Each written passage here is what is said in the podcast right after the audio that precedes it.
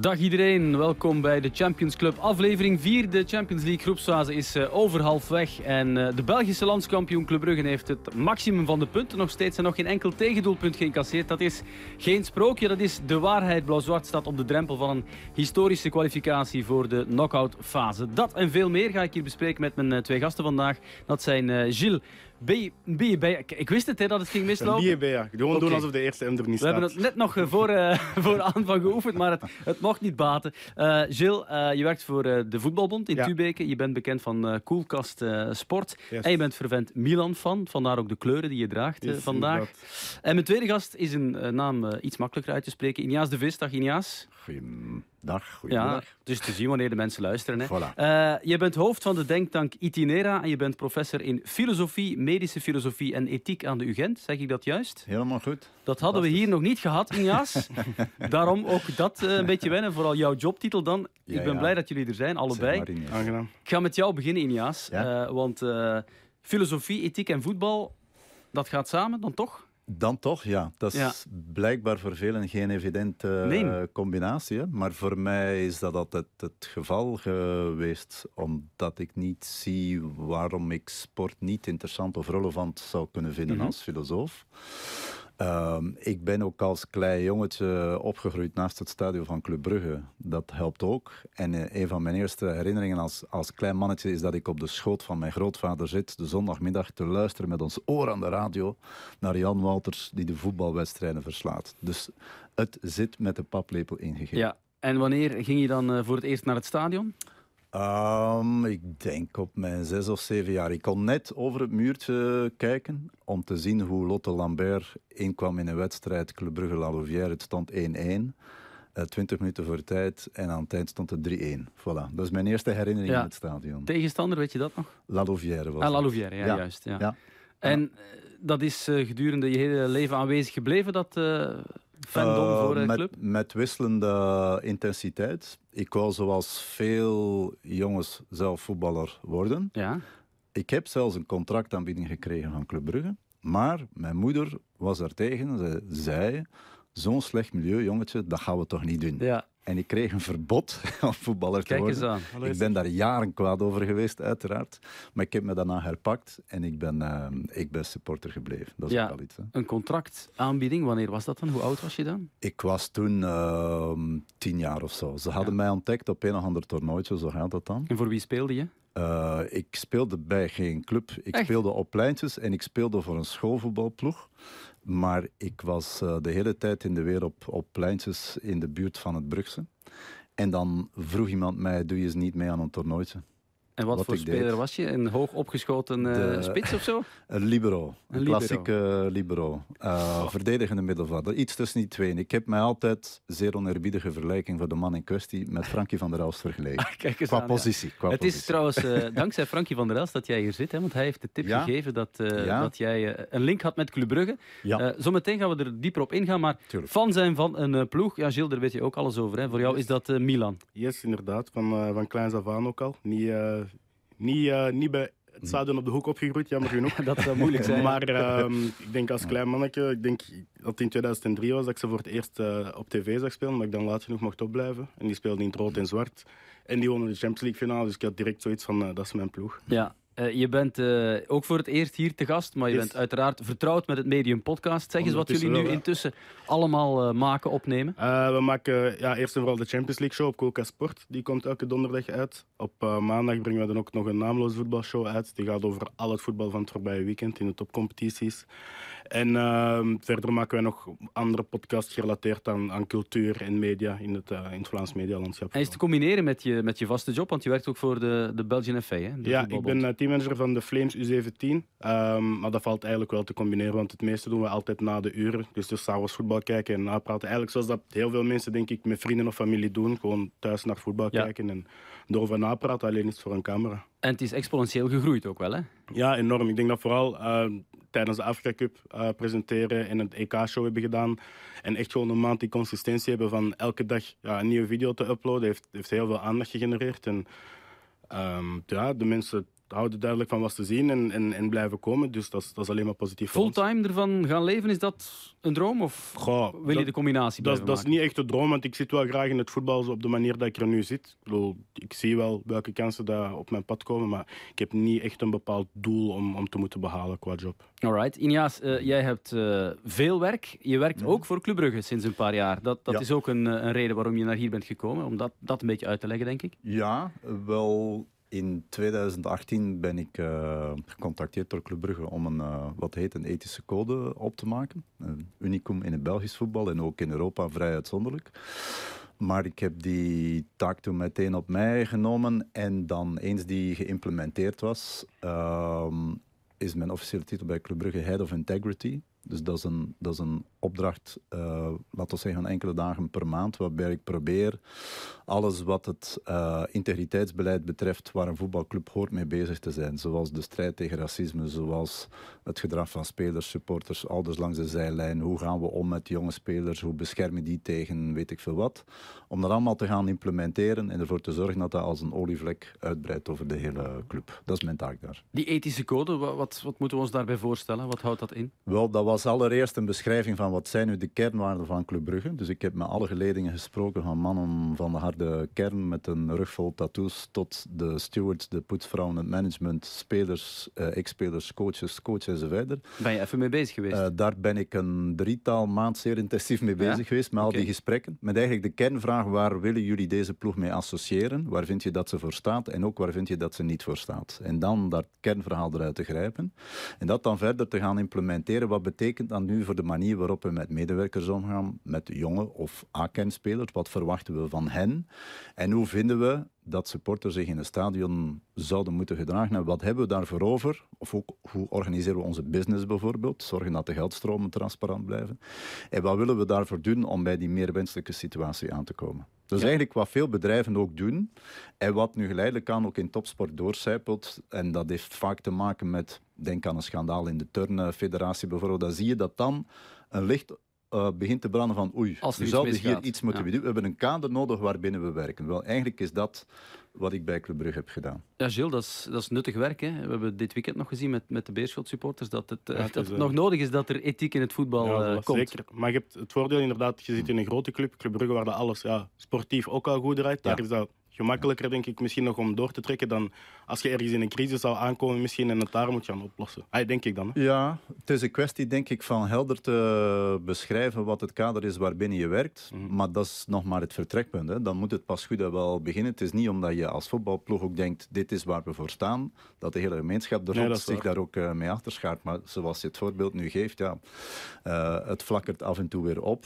En dan telkens val je achterover hoe primitief mensen zich kunnen gedragen. Ja. Maar goed, het feit dat ze zich nog zo gedragen, geeft aan dat er betere afspraken nodig zijn. Ja, en dat er meer mensen zoals jou nodig zijn bij de andere clubs misschien. Of dat jij meer clubs moet Uh, gaan hoe meer ze het Ja. kopiëren, hoe gelukkiger ik uh, zou Eh, zijn. je bent ook vertrouwenspersoon eh, Mhm. bij club. En eh, je hebt bijvoorbeeld ook eh, Noah Lang nog eh, begeleid vorig seizoen. Dus het, gaat wel, het is wel gevarieerd, je takenpakket. Het, aanhalingstekens. het, het is zeer afwisselend en zeer interessant vooral, omdat het telkens om diezelfde vraag gaat, hoe vinden we dat we ons moeten gedragen?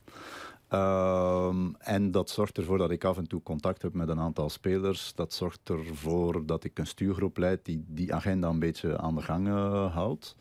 Uh, dat is een bescheiden rol aan de zijlijn, maar tegelijkertijd wel iets dat toch de mentaliteit, vind ik, daar wel heeft veranderd op drie, vier jaar tijd. Niet dat het uh, proces voltooid is, verre van. Ik denk dat je dat altijd wel Mhm. ergens op de agenda moet plaatsen. Maar er is, uh, vind ik, een flinke vooruitgang geboekt. En hoe sneller spelers, want er komen elk jaar heel veel nieuwe spelers binnen, hoe sneller die zich thuis voelen en in dat verhaal van de betrokken voetbalploeg zich willen inschrijven, hoe groter de slaagkans ook dat je als ploeg unisono op dezelfde manier naar buiten komt. Met vallen en opstaan. Ik bedoel, de een misdraagt zich, de ander gaat dus over de schreef. Voetballers lijden aan overaandacht en te veel geld. en er zijn ook vaak jongetjes die veel aandacht nodig hebben. Dus dat is een lastige combinatie. Ja. Uh, die je maatschappelijk niet zo vaak terugvindt. Maar au fond, als je dan met mensen spreekt om Noah uh, erbij te halen, dat is een van de meest lieve mensen die je ken. Maar goed, uh, je moet ook kijken waar mensen vandaan komen, hoe ze zijn opgevoed. Vaak een heel traject hebben afgelegd. En dan mag je vaak al blij zijn dat ze er nog relatief goed uitkomen. En, en ook de beste bedoelingen hebben. Mm -hmm. Maar goed, de een leeft van het uh, functioneren binnen grenzen, de ander leeft van het af en toe overschrijden van die grenzen. Ja zodat dat we weer weten waar de grens uit. Hè? En, en de ja, jawel, kritiek jawel. van het publiek, Noah Lang, is, is een voorbeeld daarvan, denk ik. Ja, Goed, we gaan het uh, ook wel over het sportieve hebben natuurlijk. Hè. We gaan een uh, kleine week terugkeren in de tijd naar een historische avond uh, op Jan Breidel. Jutgla met Soa.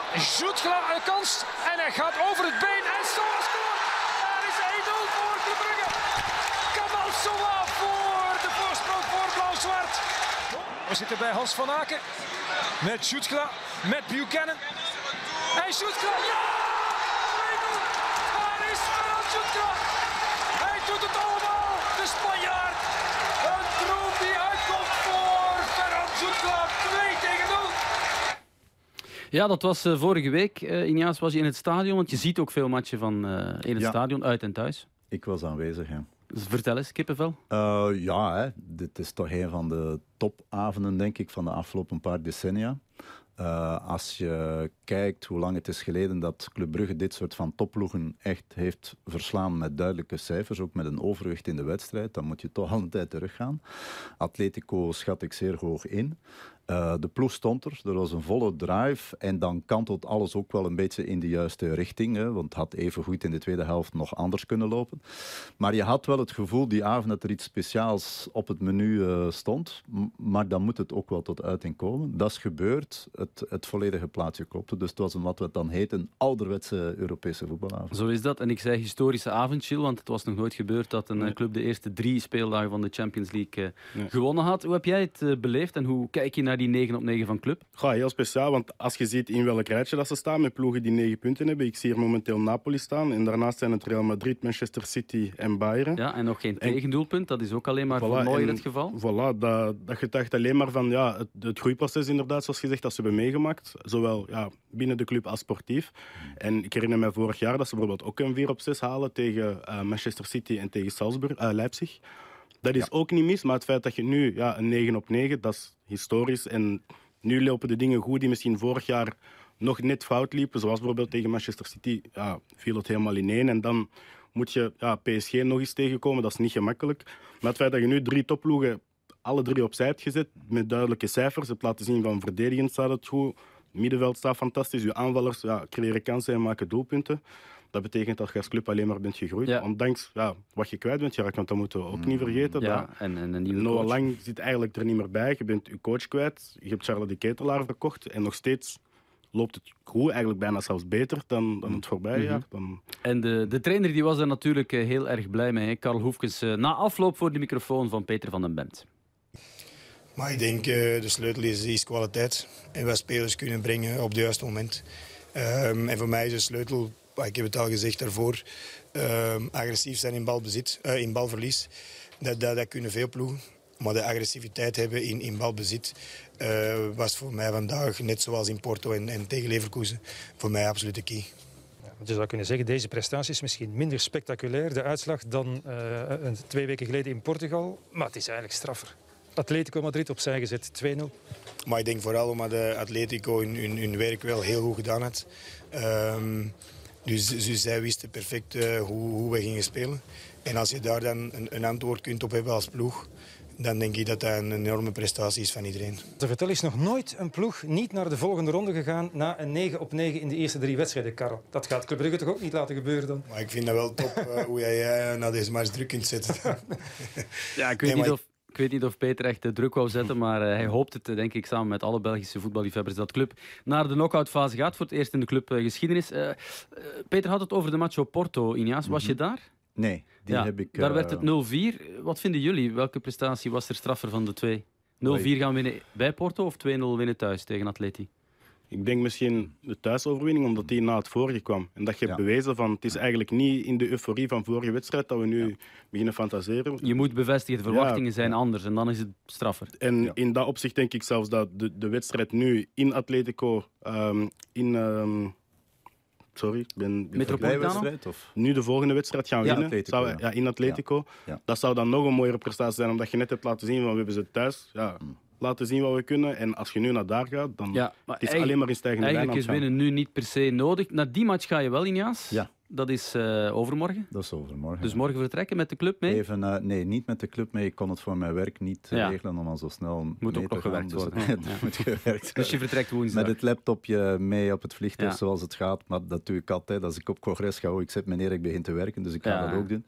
Maar ik kijk wel uit naar de wedstrijd, uiteraard. Hè, want ik ben het met jou eens. Ik denk dat de thuiswedstrijd tegen Atletico hoger moet worden ingeschat. Omdat ook de, de omstandigheden in Porto zaten ook zeer goed mee. Mhm. En dan kun je even goed 0-1 en als alles loopt ook 0-4 winnen. Dat is het wedstrijdverloop zoals het zich dan aandient. Maar thuis tegen Atletico moest er echt tot aan het einde ook met de, het, eh, dezelfde precisie, dezelfde hoge intensiteit worden gespeeld. Want Atletico is een fantastische ploeg. Dus die zullen woensdag nog scherper staan Ja. dan ze bij ons stonden. Dus die schat ik nog hoger in dan de wedstrijd in Porto. Ik vraag me af, Gilles, was jij teleurgesteld door de prestatie van Atletico? Want zo goed waren ze wel niet. Of misschien had het ook te maken met de sterkte van de club. Het was misschien niet het allerbeste Atletico, zoals we in de laatste jaren vaak hebben gezien. Maar ik denk dat dat ook weer ja, de kwaliteit van de club is. De kwaliteit van op de juiste momenten te drukken. kwaliteit van een Simon Mignolet die van achter ja. ook weer Ja, al de nul hield en, fenomenaal. en fenomenaal was. En ja, Kamal dat is de kwaliteit van van Kamal Soa. Die Jongens, eigenlijk een, een nieuwe transfer is. Want wat Ja, die die jongen was loopt afgeschreven, per hè? wedstrijd is fenomenaal. En die was afgeschreven Ja, ja, ja, een paar maanden, jaar Ja. geleden. Ja. Ehm, je hebt nieuwe jongens gehaald die het allemaal brengen. En niettemin, ik zag Mignolet na de wedstrijd ook ehm, pluimen aan de coach geven. Die Mhm. verdient dat ook, want begin van het seizoen was heel moeilijk, heel, heel moeilijk begonnen. Je moet ook een grote naam vervangen met Schreuder en, en Clement daarvoor. En als assistent dan komen en ja, iedereen zegt dan van het is maar één van het bestuur, zodat zij alles kunnen beslissen. Ja. En het nu toch laten zien, zowel Stroman. Europees als in eigen, ja, Ja. zo in Ja, ja, eigen ja. competitie. Als het was misgegaan in Leuven, dan was het eh, al eh, kantje bootje Dan geweest, werd het- gezegd. Dan werd de druk zwaar natuurlijk. Dat is onvermijdelijk bij een ploeg die ervan uitgaat dat ze elke wedstrijd wil winnen. Maar ik vind wel dat Karel zeer sterk is in zijn hoofd, een duidelijk plan had. En dat men ook heel snel vergeet dat men zei, ja maar kijk, we hebben eigenlijk nauwelijks een tussenseizoen, heel eh, nieuwe ploeg, dus je krijgt tijd. Eh, er komen nog veel transfers aan. En iedereen geeft hem dan eh, gelijk, tot op het moment dat je de eerste wedstrijd verliest. En zei, ja, je zou er eigenlijk nu toch al moeten staan. Terwijl je wel een heel nieuwe kern moet opbouwen, toch een, een nieuwe mentaliteit er ook wil inslijpen op de een of andere manier. Elke coach heeft zijn specifieke accenten. En daar is hij toch zeer snel geslaagd. Nog een beetje met ups en downs. Competitie Europees, maar dat is ook een zeer Ja. zwaar programma. Maar ik vind dat Karel absoluut de juiste man op de juiste plaats is. Ja. Die indruk eh, geeft hij zeker en de resultaten lijken dat ook te bevestigen. Eh, ja, de kwalificatiekansen in Madrid, eh, Gilles, zijn die er? Kunnen ze daar, je zegt winnen zou heel straf zijn, maar eigenlijk kan een punt al ja, heel goed zijn hè, met het oog op kwalificatie, dan, dan zijn ze er eigenlijk. Goh, ja, ik denk nu, het is misschien moeilijk om in een vierde match al te gaan rekenen met een resultaat. Ik denk dat dat meer is voor een ploeg die op de laatste speeldag misschien aan een punt gelijk zou hebben of met een bepaald doelpuntsaldo.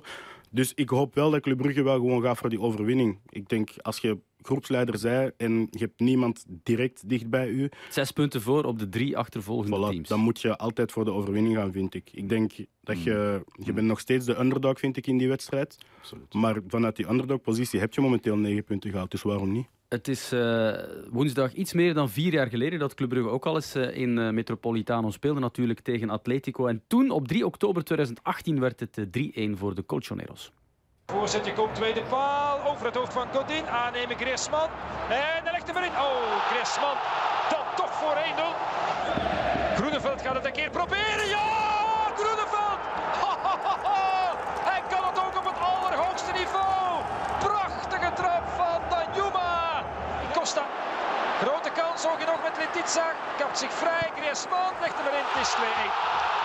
Griezmann nog eens geweldig gedraaid, dat doet hij uitstekend. En hij is natuurlijk sneller dan Mechelen. Hij blijft overeind en hij legt hem terug. En Koke voor het derde. Ja, in 2018 werd het eh 3-1. Geweldige goal van Danjuma. Hè. Vooral, eh, dat, dat is wat mij ja. vooral is bijgebleven van die match. Ja, ja, daar in Spanje zijn ze het ook niet vergeten, eh, ja, inderdaad. Verdiend, denk ik. Hè, want Ja. iedereen ziet aan die goal, fenomenale goal. Maar dan zie je ook hoe Atletico een ploeg is die met een paar flitsen een wedstrijd helemaal kan doen kantelen. Griezmann eh, op kop, fenomenale speler in feite. Die wonder wel de afgelopen wedstrijd niet echt tot zijn recht is eh, kunnen komen. Maar goed, dat blijft een eh, fantastisch speler. Dus het zal er ontzettend moeilijk worden, onvermijdelijk. Maar ze hebben het voordeel dat ze vrijuit kunnen spelen. En, en met een tactisch plan kun je er misschien wel uh, iets halen. Maar het zal een heel zware wedstrijd Ja, toen was het een van de twee nederlagen in die campagne. Toen haalden ze 6 op 18 club. met uh, ook nog de 0-4 op Monaco. Dat was die uh, mm -hmm. campagne. Um, ja, Gilles, club dat dan verliest in de eigen competitie van Westerlo. Dat acht punten achter staat op Antwerpen. Ja. Moet je dat er dan bij nemen bij zo'n fantastische campagne? Ik, of is dat toch ik denk dat we daar niet te zwaar aan mogen tillen, want je moet er, niet, je moet er rekening mee houden dat er ook wordt geroteerd in de wedstrijden. Ik zag dat er twee jongens mochten een paar jongens zelfs mochten starten die in de Champions League niet starten. Dus dan is het misschien net aan die spelers om hun te bewijzen. Je kunt eens een mindere dag hebben, want ik denk dat dat tegen standaard wel gewoon het geval was. Maar ik zou niet te zwaar tillen aan een verlies tegen Westerlo op drie dagen voordat je naar Atletico moet. Maar ik denk acht punten op Antwerpen, oké, dat wordt wel al veel. Hè? Ik denk dat we ook eerlijk moeten zijn. Antwerpen gewoon fenomenaal is begonnen aan het seizoen. Zij hebben dan ook geen Europees. Dus ik denk, ploegen die Europees spelen, mocht je eigenlijk altijd op richten dat die vier, vijf punten in de groepsronde en als die overleven ook nog eens twee, drie punten zullen verliezen in de verdere fase. Omdat ja, die kunnen niet iedereen 90 minuten laten spelen elke wedstrijd, want dan zijn die spelers in november allemaal, uh, allemaal in het ziekenhuis. Dus ik denk, ik zou daar niet te zwaar aan tillen als Brugge supporter of als Brugge werknemer zijnde precies. Ik, ik weet niet hoe dat jij dat ziet, maar... Wel, het zou dramatisch zijn geweest mocht blijken dat, dat er geen enkele kans is gecreëerd of dat men tegen ja. ze... Na 20 minuten kan het 2-3-0 zijn. Dus ja. het is duidelijk dat je daar efficiëntie ontbreekt, die je altijd nodig hebt om, zeker in België, een wedstrijd op slot te zetten. Want anders kan zich dat altijd tegenkeren. Dat is zaterdag ook gebleken. Uh, dus ik denk, hadden ze daar een beetje meer efficiëntie voor de dag gelegd, was het binnen. Uh, en het is logisch dat als je elke drie, vier dagen een wedstrijd speelt, en ook al zeg je en doe je er ook alles aan om je klaar te stomen, dan nog vergeten we dat de intensiteit vaak van, van zo gebeuren. Hè. Dus die spelers gaan nu tot half november uh, datzelfde ritme moeten aanhouden. En zelfs al heb je een brede kern, je moet toch altijd die switch ook op mentaal vlak maken om telkens weer van nul af aan te herbeginnen. En na woensdag is eigenlijk heel België nog 48 uur aan het vieren in jouw plaats. Maar jij moet eigenlijk de avond zelf al zeggen, forget it, volgende Ja, wedstrijd. het is niet dus dat is, dat is moeilijker dan men denkt, volgens Absoluut. Eh Gilles, ehm, die kloof met Antwerpen is er. Heb- Je hebt ook voor Antwerpen gewerkt. Hè? Ja. Heb je nog contacten daar in de kleedkamer? Hoe groot is het geloof? Binnen de kleedkamer niet echt. Wel meer met de mensen. Ik zat bij de beloftekern trouwens. Ja. Dus het is ook eh, iets meer met, met de jongere gasten die daar Ja. zijn.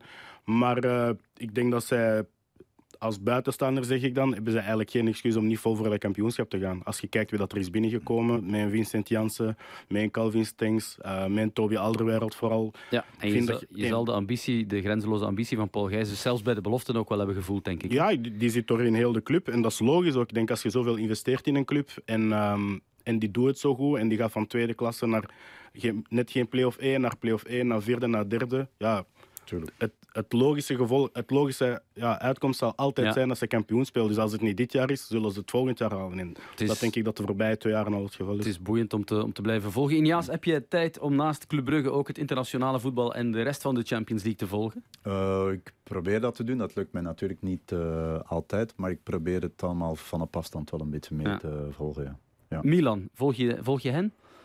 Jawel, natuurlijk niet eh, zoals Ja. mijn gesprekspartner eh, hier. Daar zal ik het altijd moeten tegen afleggen. Maar laten we zeggen, met hernieuwde grote interesse wegens de transfer van Charles Ja. uiteraard. Maar eh, toen ik jong was, was, was dat het grote Milan natuurlijk. Hè, met Van Basten, Gullit, Rijkaard, Franco Baresi, noem maar op. Wat een team, onwaarschijnlijk. Dus je kon niet anders dan verliefd worden op dat Ja. voetbal. Blijft een fantastische club. Eh, ehm, ik heb die ook nog in, ehm, op Jan Breidel eh, gezien. Want Club Brugge heeft er nog tegen gespeeld en zelfs tegen gewonnen. Pascal Plovy heeft er nog een kaakbeenbreuk aan overgehouden toen hij Van Basten eh, in de tang houden en een elleboogstoot kreeg. Dus die verhalen die zijn wel bijgebleven. Eh, Milan komt uit een heel diep dal, eh, maar heeft enorme progressie doorgemaakt. Heeft Ja. een heel mooie ploeg, vind ik, die Ja. het nu heel even moeilijk heeft. Maar Ja. bon, Het zijn eigenlijk hoogdagen, Gilles, want eh, vorig seizoen kampioen. En nu Ja. even los uit de pols 2-0 winnen tegen Juventus. Het is anders geweest hè, de Ja, voorbije ja, jaren. ik heb eh, de voorbije tien jaar enorm afgezien. Ehm, maar ik heb het geluk dat we momenteel ja, goed hebben ingekocht. Ik denk dat je ook wel, net zoals eh, bij Brugge, ja, Hmm. zegt je van, je, je merkt een hele transformatie door. Ik merk dat ook bij Milan. Je ziet Ja. nieuwe, een nieuw bestuur is er gekomen, er zijn nieuwe directeurs, nieuwe sportief directeurs. Er komen nieuwe spelers in die met een duidelijke filosofie worden gehaald. Jongere spelers met progressiemarge en Ja, doorverkooppotentieel. Ik weet, Berlusconi en Galliani in hun laatste jaren die hielden ja, elke dertiger die ze gratis konden halen, kwam overal maar erbij. En nu is het gehaald een jongen als Leao, als Salemakers, de Ketelaren, Tonali. Dat zijn jonge gasten met een potentieel. En die dan kunnen omringen met een Giroud, met een Ibrahimovic, een Kjaer. Dat zorgt voor een, ja, een Ja. mooi geheel gewoon. Ik- Het is daardoor dat je kampioen kunt spelen. Ik zag op je Instagram dat je een shirt hebt van Charles de Ketelaar, maar je hebt het niet aangetrokken vandaag. Eh, nee, maar ik denk wel dat hij in mijn rugzak zit. Ah, kijk eens aan. Ja. Eh, Charles de Ketelaar die stond eh, vorige week woensdag aan, in de basis op Stamford Bridge tegen Chelsea. Maar het was een wedstrijd waar ik zelf naartoe ging met, met Wesley Song, die toch een beetje teleurstelde. We gaan eens luisteren. Chilwell krijgt een nieuwe kans met een nieuwe corner. En daar is hij opnieuw. Het is ongelooflijk. Derde keer, goede keer, net niet. Maar nu wel binnen via Fofana. Nu wel binnen via Fofana. En het is 1-0 voor Chelsea. Tweede paal daar. Cornervlag bijna is Reece James. Nieuwe center. En de goal. De goal van Aubameyang. En ja, een salto erbovenop, want het is 2-0 voor Chelsea. Hier Sterling nog een keer, geeft hem mee met James. James kan het nu zelf doen en dat doet hij. Dat doet hij. Reece James is bezig aan een geweldige wedstrijd voor Chelsea. Ja, het werd 3-0 en vandaar zeg ik teleurstellend, Chill, want het, het verschil was te groot. Ja, het was enorm. Ehm, het was eigenlijk de enige match dit seizoen waarvan dat ik een verlies kan accepteren. Omdat ik zie dan zo drie doelpunten komen, alle drie over flanken en via spelers die nooit starten als wij niet met een Ja. gigantische blessure Negen afwezigen hè, vorige week. Ja, je mist twee spitsen, je mist je twee rechtsbuitens, drie rechtsbacks die geblesseerd zijn, je linksback was eruit, je keeper was eruit. Dan, dan is naar Chelsea gaan eigenlijk al bijna een onmogelijke opdracht. Ik denk dat als wij daar op het einde van die eerste helft een doelpunt scoren en alles kunnen dichthouden, dan hebben wij wel een mooi resultaat. Je hebt het Maar- over de kans van Charles de Ketelaar. ja, die, En dan Krunic? Ja, en daarna Krunic inderdaad, op eh, een actie van, eh, van Leao. Dus eh, ik heb wel zo'n gevoel van, het is een ploeg die draait, maar als zoveel dingen tegenzitten, is het heel moeilijk om een resultaat te gaan Draait Charles de Ketelaar. zat vind van in- wel. Hij zat vorige week wel niet in de match hè, op, Eh, in op Londen. Je, ehm, op, bij Chelsea? Nee, het was een moeilijke match inderdaad. En het was eigenlijk al zijn moeilijkste match dit seizoen, vond ik. Maar ik heb wel het gevoel dat hij echt wel draait dit seizoen. Ik was eh, gaan opzoeken. Die heeft de meeste kansen gecreëerd van alle spelers in de Serie A. Maar ja, als je niet afwerkt op de assist die hij geeft, ja, dan gaat het heel moeilijk worden. Net zoals hij nu die kans bijvoorbeeld in Londen niet afwerkt. Dus ik denk dat het vooral nog meer kwestie is van ongeluk te hebben. Maar ik herinner mij dat wij Leao drie jaar geleden gingen halen. En die heeft eigenlijk twee dramatische jaren gehad voordat hij vorig jaar eigenlijk de beste in Italië was. Dus om nu al te verwachten van de ketelaar dat die, ja, zoals op de persconferentie gezegd werd, de nieuwe Kaka zou zijn, dat Ja. is gewoon ook een enorme druk opleggen. Die, Brahim niet- Diaz scoorde afgelopen weekend wel. Er is, ja, vanmorgen in de kranten was het weer een thema. Wie moet starten op 10? De Ketelaar of eh, Diaz? Ik denk dat je eigenlijk niet beter kunt hebben dan dat probleem hebben. Als je een beetje een luxe probleem hebt, is het beter dan dat je die twee ja, tegen elkaar op training kunt laten bewijzen wie verdient het op die moment. En eh, dat is hetzelfde wat dat Leao en Rebic ook hebben meegemaakt op links, wat dat Salemakers op rechts meemaakten met Messias voordat hij geblesseerd uitviel. Dat Dus je is wat bekijkt Giroud dat en positief? Ibrahimovic hebben. Ja, ik zie dat enkel als iets positiefs. Het feit dat wij tien jaar lang ja, eigenlijk het moesten hebben van de spelers die dat we eigenlijk niet goed genoeg zijn voor Milan. Terwijl wij nu twee spelers kunnen hebben die goed genoeg zijn en kunnen zeggen van diegene die het beste niet speelt, gewoon, dat is een luxe. En daar gaan ze ook allebei alleen maar beter van worden. Mhm. Heb jij Charles persoonlijk leren kennen door je werk? Ja, ja. Heel fijne jongen, heel fijne familie, ook broer en eh, zus. Fantastische mensen, dus ik was ook heel blij voor hem dat hij die transfer kon maken. Het was ook echt zijn droomtransfer. ik vind ook niet dat hij ontgoocheld vindt dat hij het zeer goed doet, maar die verwachtingen die waren boven wereld. Dus uiteraard is men nu De hele zomer ging het over Maar hem. hè. men is ontgoocheld in de eigen verwachtingen. Ik vind niet dat we ontgoocheld moeten zijn in zijn prestaties. Ik bedoel, dit is wel een onwaarschijnlijk elftal waar hij zich aan het inknokken is. En, en waar toch ook uit blijkt dat hij goed presteert. Alleen word je afgerekend op datgene wat dan eh, in het doel verdwijnt. Dat lukt voorlopig nog even niet. Maar ik heb Mhm. het volle vertrouwen in dat hij dat doet. Ja. Een andere landgenoot, eh, Gilles, die ook eh, Origi. Verwacht je dat hij basisspeler kan worden bij Milan? Ik denk van wel. Ik denk, eh, zeker als je ziet wie dat er nu nog allemaal op lange termijn uit is, zowel op rechts als in de spits, dat het ja, een, niet een evident gegeven is, maar ik denk wel dat dat iemand is die zich erin kan knokken. Ik denk dat de concurrentie minder hoog is dan het in Liverpool was in, in die hoogdagen. Maar ik denk wel dat dat een, een speler is met een bepaalde kwaliteit aan de bal. Waar zie, je, ook waar zie je hem spelen dan? Als diepe spits voornamelijk? Of? ja, ik hoop in de spits dat hij toch iets, die is iets bewegelijker toch dan Ibrahimovic en Giroud. Dus eh, ik, ik hoop dat hij dat daar mag doen. Eh, in andere matchen misschien op linksbuiten als, ja, als hij en Leao wat gewisseld kunnen worden.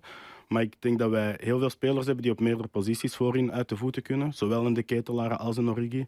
Ehm, die dat dan hun basisplaatsen ook gewoon kunnen afdwingen op Ja. basis van waar ze het nuttigste zijn. Ik heb hem uh, even kunnen spreken na afloop uh, in de catacombe van uh, Stamford Bridge. En het was vooral heel fijn om te zien dat Origi eindelijk weer minuten maakte. Het was een maand geleden. -hmm. Ik, kom nu terug uit blessure, volledig terug fit voor de eerste keer in het seizoen. En ja, komen in de eerste minuten meepikken. Um, en de eerste keer dat ik echt gewoon terug kan beginnen bouwen aan, aan mijn fitness. Nu kan het eindelijk beginnen, je Milanese avontuur, denk ik. Het is dat eigenlijk, ja. Nu kan ik volledig terug beginnen voetbal. Ja, Origi, uh, hopelijk uh, is dat de voorbode voor meer uh, minuten. Wat denk je van de return nu tegen Chelsea? Want ja, door de nederlaag vorige week is de situatie in de groep wel minder gunstig voor Milan. Ja, het is minder gunstig. ik denk dat ze zich vooral zullen moeten focussen op een 6 op 6 halen in die laatste twee wedstrijden. Um, maar ik heb wel het gevoel dat Theo Hernandez was terug. Die was in hele goede doen. Ik denk dat wij ook wel een collectieve off-day hadden, zelfs met de, de, de basisspelers die er in Londen bij waren. Maar ik heb nu het gevoel, in San Siro, je hebt net 2-0 tegen Juventus gewonnen. Mm -hmm. En je moet op dat elan vooral verder gaan. En vooral de reactie kunnen geven, net zoals dit weekend, van laten zien dat je wel een ploeg bent die het verdient om in de Champions League te overwinteren. Als volger van het Italiaanse voetbal, ja. uh, met Milan natuurlijk uh, als hoofdmoot, heb je ook Napoli gezien, hè? vorige week op Ajax. Ja, en, en afgelopen weekend 1-4 bij ja. Cremonese. Ik, uh, ik, ik ben heel benieuwd wat dat Napoli dat zo goed draait en bovenin staat ook in de Serie A kan doen tegen een Ajax dat eigenlijk minder draait de laatste ja, weken eigenlijk.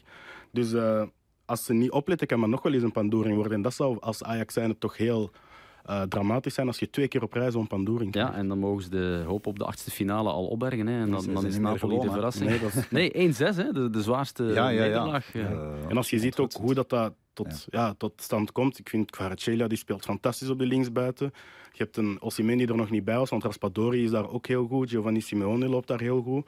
Maar ik heb vooral het gevoel van de jongens die ze zijn kwijtgeraakt, Koulibaly, Mertens, Insigne, die hebben allemaal, Fabian Ruiz, die hebben ze wel allemaal kunnen vervangen. En er staat wel gewoon een ploeg die ja, momenteel de beste is ja. in Italië voor mij. Ja, heel erg uh, indrukwekkend. Een andere wedstrijd waar we commentatoren naartoe hebben gestuurd vorige week, dat was uh, Benfica tegen PSG. Peter van den Bemt en Gert Verrijen, die waren daar. En zij waren uh, heel erg onder de indruk van die wedstrijd.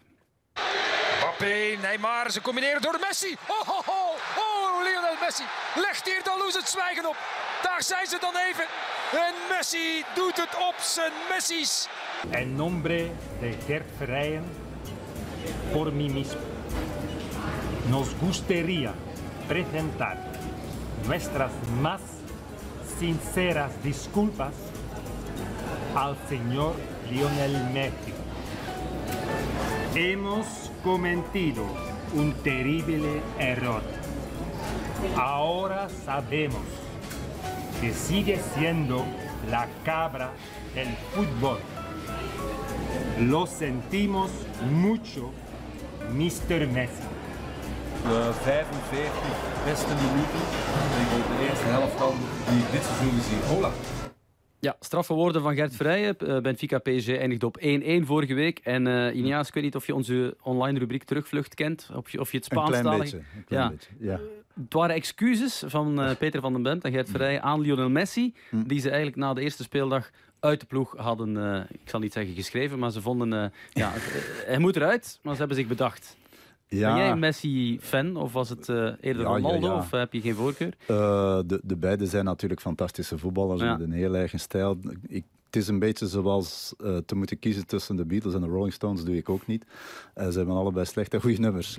Ik denk dat Messi wel de, de, met de keuze voor PSG toch vorig jaar beduidend minder presteerde dan we van hem Mhm. gewoon zijn. Maar ja, wat we van die man gewoon zijn, hetzelfde geldt voor Ronaldo trouwens. We zijn zo lang verwend dat als die spelers dan één of twee minder excellente wedstrijden spelen, dat ze meteen worden afgeschreven. Terwijl als je dit kan Ja. doen op een voetbalveld... En Gilles, het zou kunnen dat hij net op tijd in vorm is voor dat WK dat er zit aan te komen. hè. Het gaat crescendo. Ja, het, gaat, eh, het, is, het zou mooi zijn moest eh, een van die twee toch een carrière kunnen afsluiten met een WK. Want ik zag dat hij ook had gezegd dat dit sowieso zijn laatste Ja. WK zou worden. Dus eh, ik ben benieuwd. Ik zie heel veel toffe ploegen naar, eh, naar dit WK vertrekken. Dus het zal eh, een tof toernooi worden voor. Mhm. Gilles, staan er nog trips naar eh, Milaan gepland? Je gaat Ik niet ben kijken. net voorbij weekend geweest, dus ik heb gelukkig Ah, oké. de 2-0 tegen Juventus kunnen Oké, meemaken. top. En, dat zeg je nu pas. Ja, Wist ik niet. Wist ik niet. ik, ik ben net terug ook, dus, ehm, dus dat was een hele leuke. En hopelijk de 22 oktober spelen ze tegen Monza. Uh, en daar zit momenteel Berlusconi Ja. en Galliani, dus dat is wel een speciale wedstrijd. Dus daar heb ik ook nog wel eens eh, de tijd Ja. voor genomen. Alright. Inias, ik had hier nog heel wat vragen over de Super League en dergelijke opgeschreven. Ga je nog eens terugkomen om het daarover te hebben? Want dan Met is er over plezier. ethiek ook wel iets te zeggen misschien. Op Zeer graag.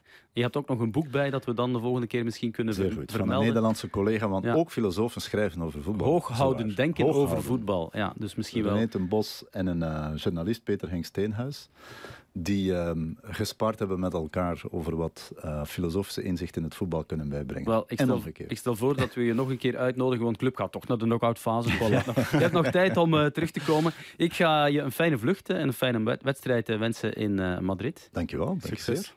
Ja, en Jill, ik ga jou eh, ja, succes wensen met de wedstrijd tegen Chelsea thuis. hè. Het is nodig dat er iets wordt geraapt. Dankjewel voor jullie komst. Enorm bedankt voor de uitnodiging. Graag gedaan. En nog een dienstmededeling voor we afsluiten. Want eh 11 oktober, dinsdag 11 oktober, is onze befaamde Multilive helemaal gratis te zien voor alle mensen die Proximus abonnee zijn. Je hoeft eh, geen sportabonnee eh, of abonnement te hebben. Dus ik zou zeggen, eh, Wim de Koning, Wesley Sonk en Toby Alderweireld zitten in de studio. Het zal de moeite zijn. We volgen eh, Milan-Chelsea, PSG tegen Benfica, Dortmund-Sevilla. Met andere woorden, toch maar inschakelen. Het is gratis deze week. En eh, voor de rest tot over twee weken bij een nieuwe aflevering van de Champions Club. Tot dan.